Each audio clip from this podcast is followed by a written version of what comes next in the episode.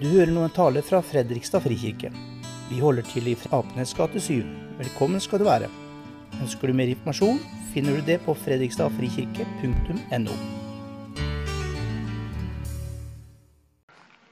Å følge Jesus når livet krasjer. Det er ikke jeg som har satt opp det temaet, det er Per, og så tok han på ferie.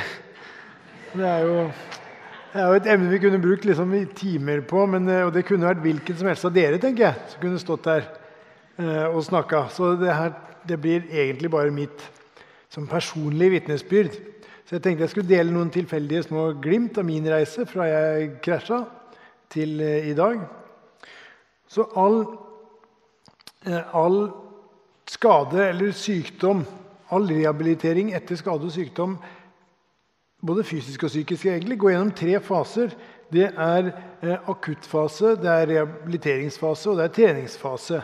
Og, mens, og sorgarbeid det følger egentlig akkurat den samme eh, mønsteret. Det, det, er først sjokket, og så er det reaksjonen.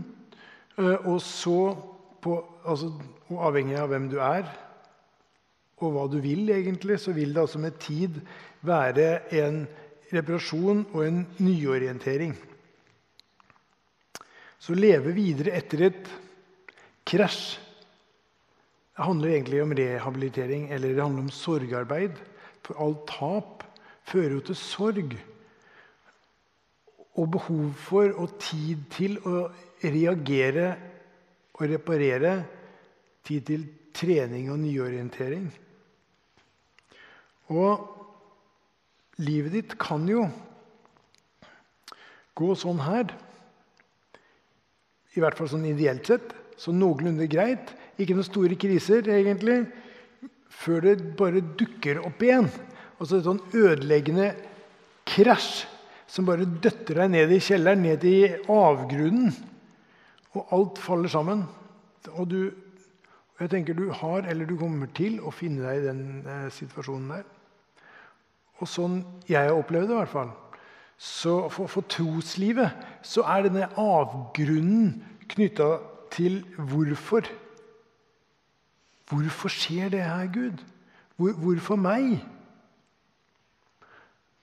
Og Bibelen er full av folk som gjennomlever tap og gir Gud veldig klar beskjed. Du gjorde jo ikke som du lovte. Du støtta meg ikke da jeg trengte det. Du må, du må fikse det her, Gud.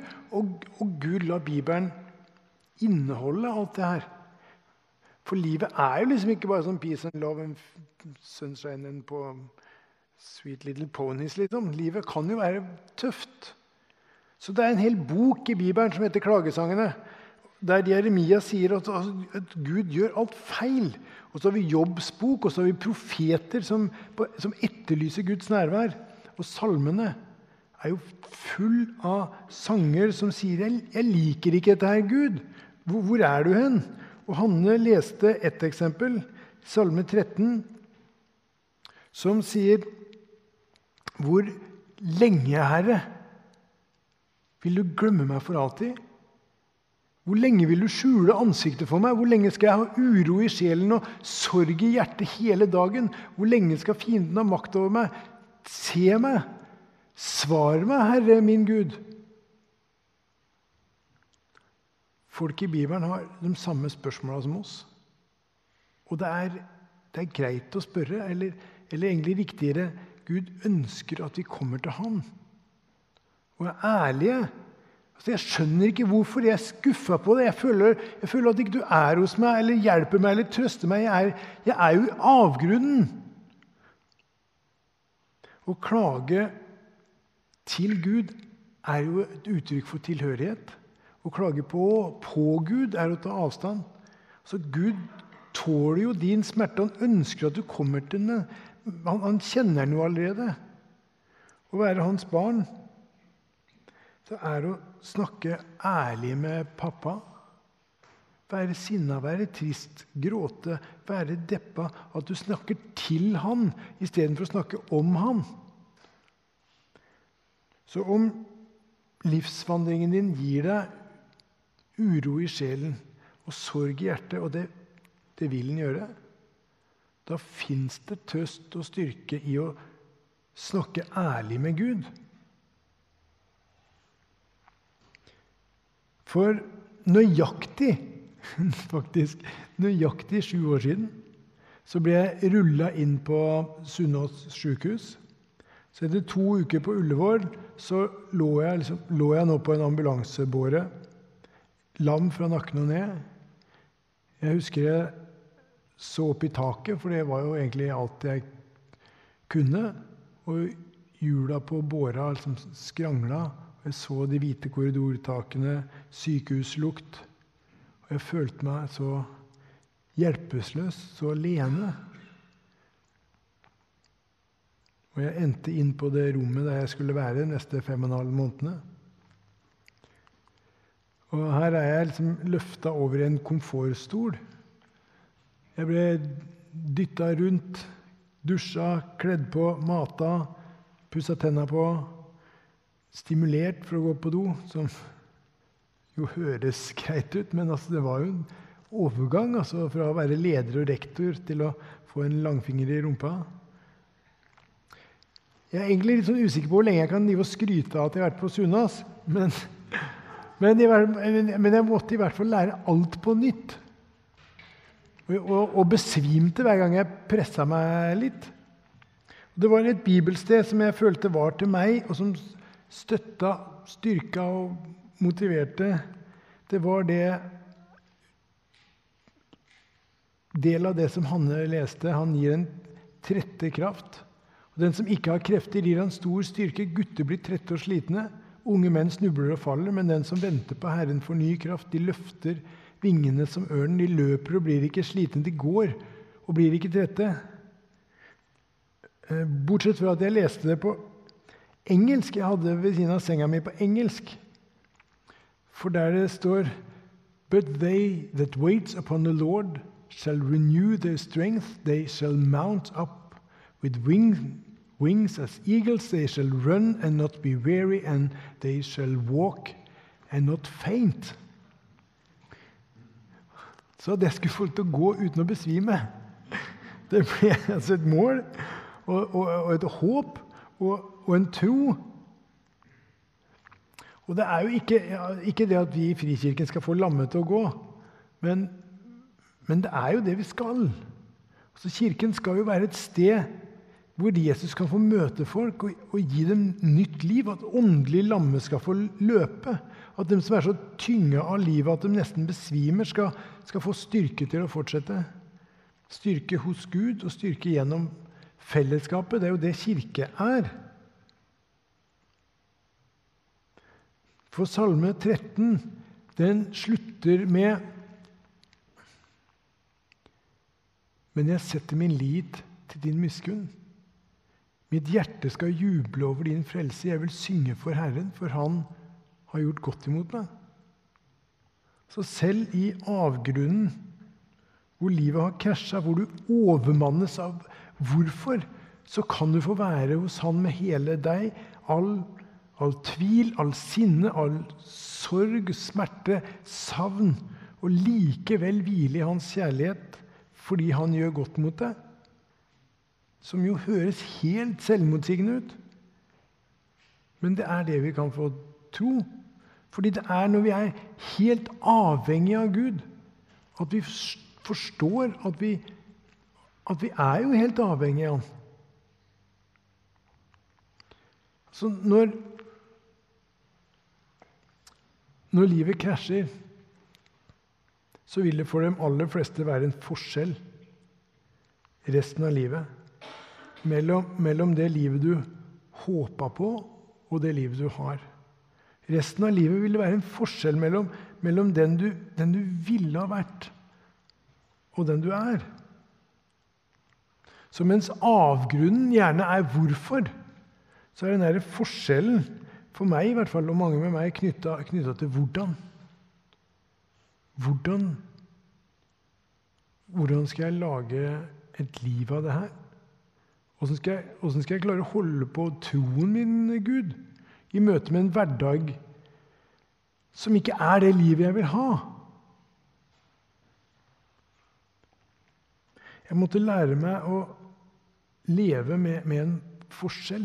Og det er fortsatt mitt prosjekt, egentlig. Sorg, tap, kommer uanmeldt, og det kommer voldsomt, og jeg må stadig reagere og reparere og rehabilitere og nyorientere. Etter Sunnaas så skulle jeg tilbake som rektor på Haugetun folkehøgskole. Det det var i hvert fall planen. da. Altså Livet skulle normaliseres. Og Det første skoleåret så, så var jeg på klassetur til Roma som guide og turleder sammen med klassens uh, lærer. Og Roma er jo, masse, er jo masse gåing. Det er ut av hotellet rett etter frokost. Og det er vandring hele dagen fra sverdighet til sverdighet. Uh, alle ryggmargskadde har problemer med blære og tarm. Det er bare såpass tabulagt at det er ingen som snakker om det. Eh, men jeg er i hvert fall så heldig at eh, tissing går noenlunde normalt. Eh, resten må liksom styres med klyster, og dobesøk tar derfor veldig lang tid. Så, så når, jeg først, altså når vi var i Roma, så ville jeg være veldig sikker på at jeg fikk tømt meg skikkelig før avgang. Går, går det greit at jeg snakker om bæsj? Bæsjing gudstjeneste. altså et sunnhåndsopphold altså det ødelegger helt sånne intimgrenser. Så jeg tror liksom at alt er greit å snakke um, Ok. Så altså for, å være, for å være sikker på, på et vellykka dobesøk før liksom frokosten dagen etterpå så tok jeg ekstra mye avføringsmiddel før jeg la meg. Men da jeg da altså går på do en time før klassen skal ut og gå, så skjer det jo ingenting. Altså Jeg sitter og jeg sitter, men ikke noe avmarsj. Nærmer seg, og jeg må, jo, jeg må jo bare avslutte. Så da møter jeg klassen, og vi rusler av sted.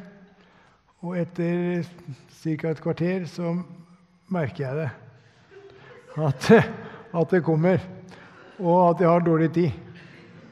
Og jeg kniper altså alt jeg kan og leter liksom desperat etter å sette meg ned, så jeg kan holde det inne liksom, og kjøpe meg litt tid. Men jeg, finner jo ikke noe. Så går jeg midt i elevflokken, og det er jo dumt. Og, og selv om jeg sånn innvendig roper liksom Nei, nei, nei, nei! Og kjære Gud! Så gjør kroppen akkurat som den vil. Eh, og når først liksom tarmen har bestemt seg for, for, å åpne for business, så, så stenger den liksom ikke før alt er solgt. Og, så, og en ekstra dose med avføringsmiddel har altså gitt tarmen veldig gode arbeidsvilkår. Så det var liksom opphørssalg, kan du si. Og jeg sakker liksom akterut ned gjennom elevflokken, sånn at alle som passerer, får med seg lukta. Og så går jeg veldig sakte og bredbent og med bøyde knær og forsvinner inn nærmeste dør uten å si fra til noen. Og da befinner jeg meg i et lite bakeri, som jo har et gjestetoalett Eh, til kunder, men da må jeg jo kjøpe så jeg kjøper en, en bolle eller et eller annet. Jeg husker ikke hva det er.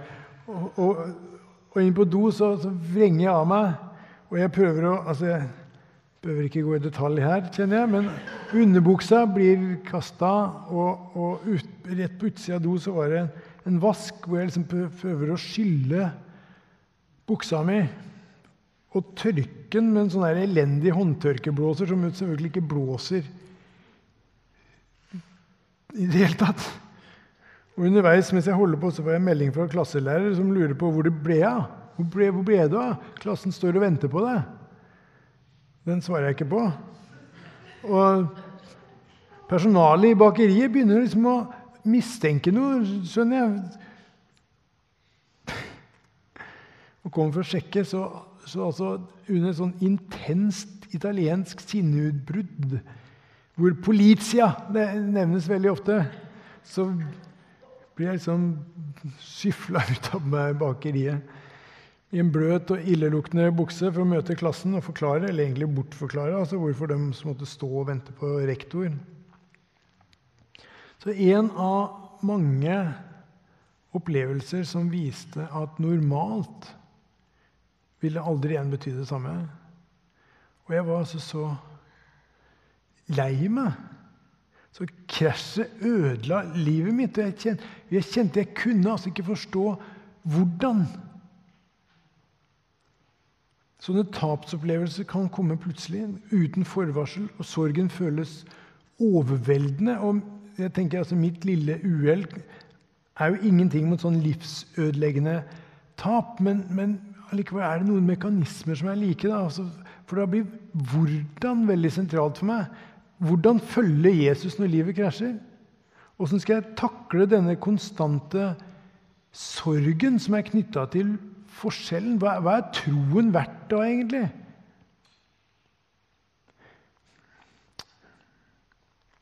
Og Det kan hende at jeg er veldig nerdete akkurat nå, altså, og det er jeg, det er jeg vel. Men eh, det er et bibelsted som for meg sier noe om både hvorfor og hvordan, som jeg syns det er viktig å si noe om.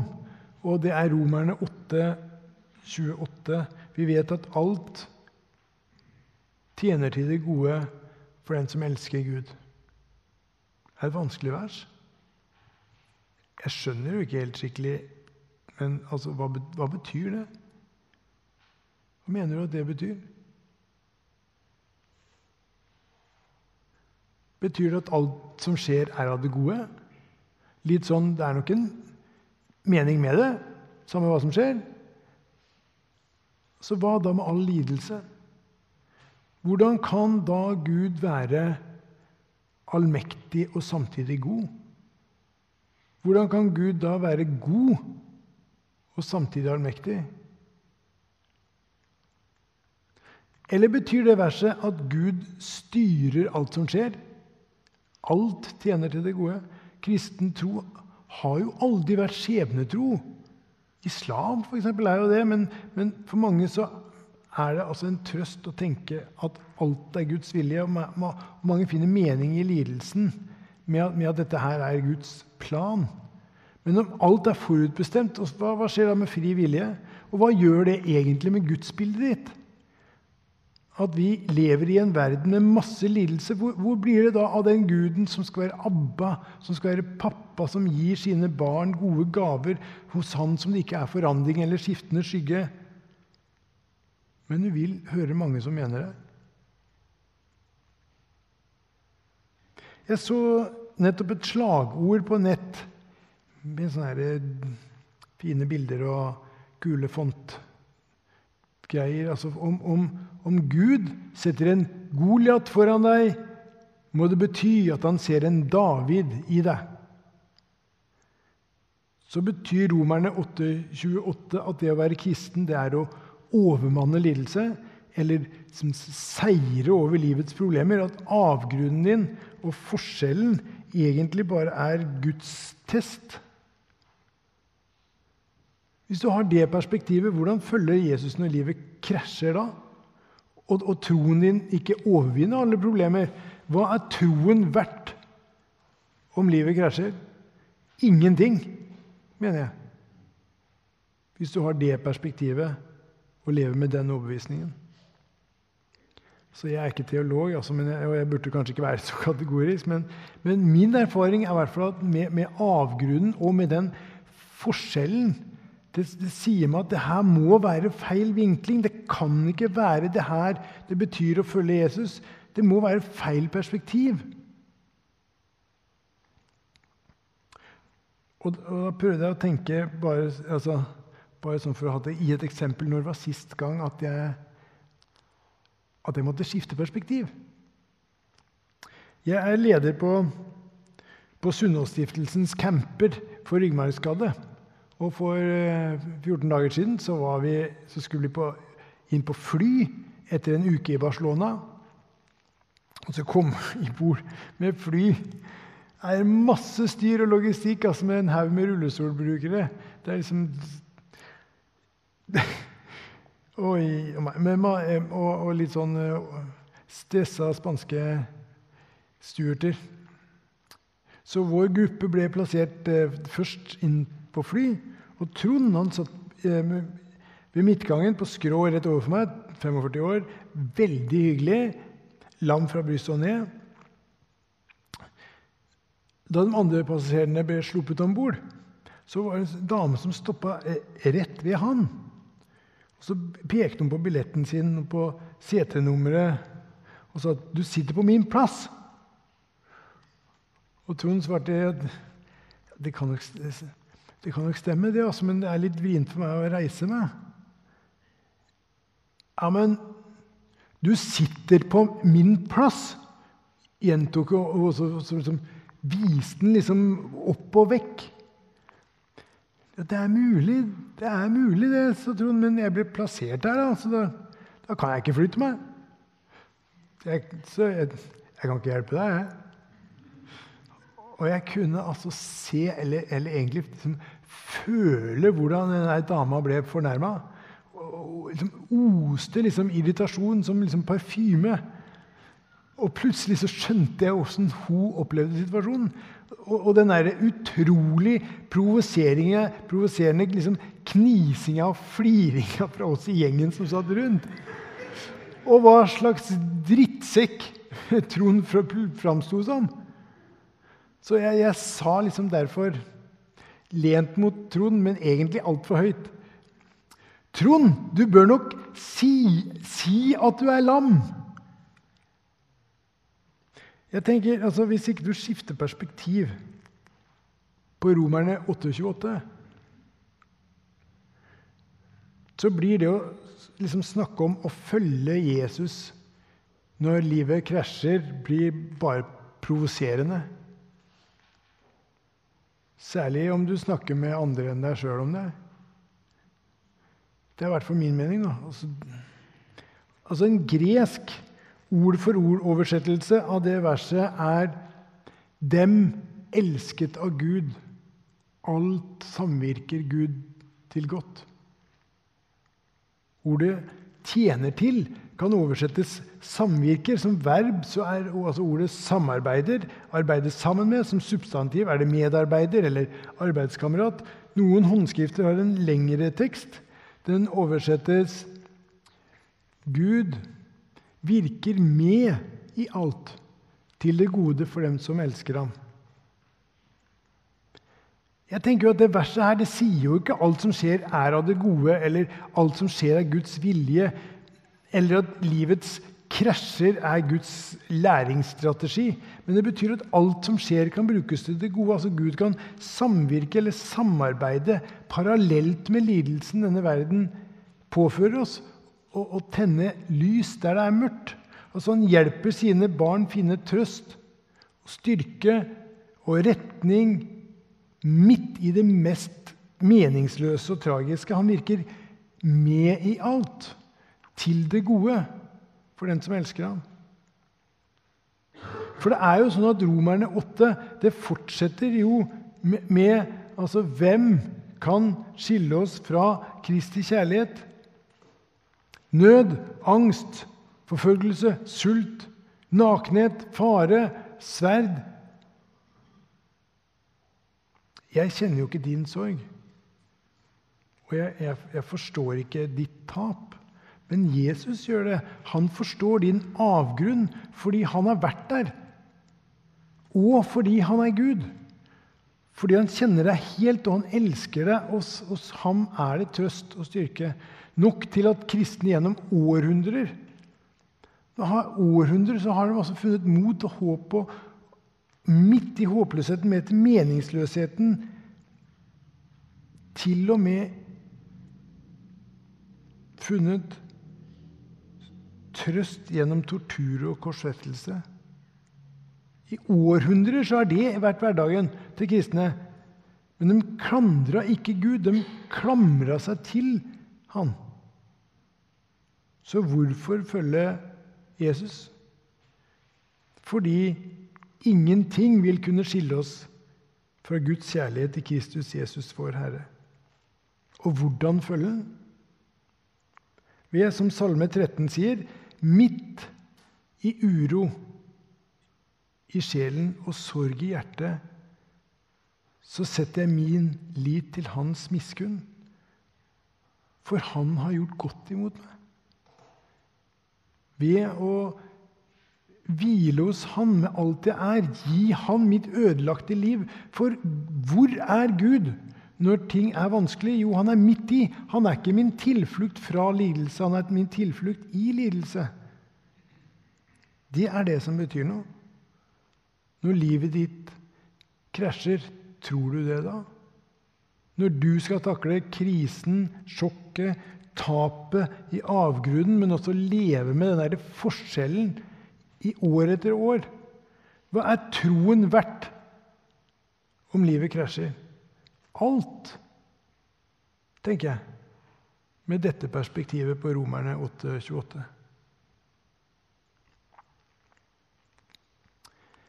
Denne uka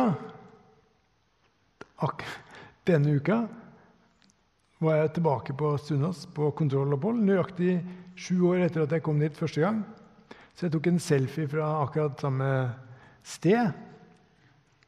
Så en uke der jeg, der, der jeg ble invitert ned i avgrunnen til andre folk som hadde krasja. Og jeg kjente, jeg kjente takknemlighet over alt jeg har fått til.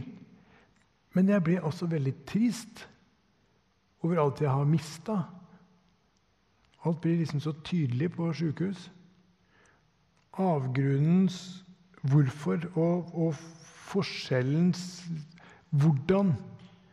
Den slo imot meg, og jeg, og jeg, måtte Jeg måtte jobbe meg sakte gjennom den talen her. Og snakke ærlig med meg sjøl om mitt eget vitnesbyrd. Så takk for at jeg fikk dele litt av det med dere.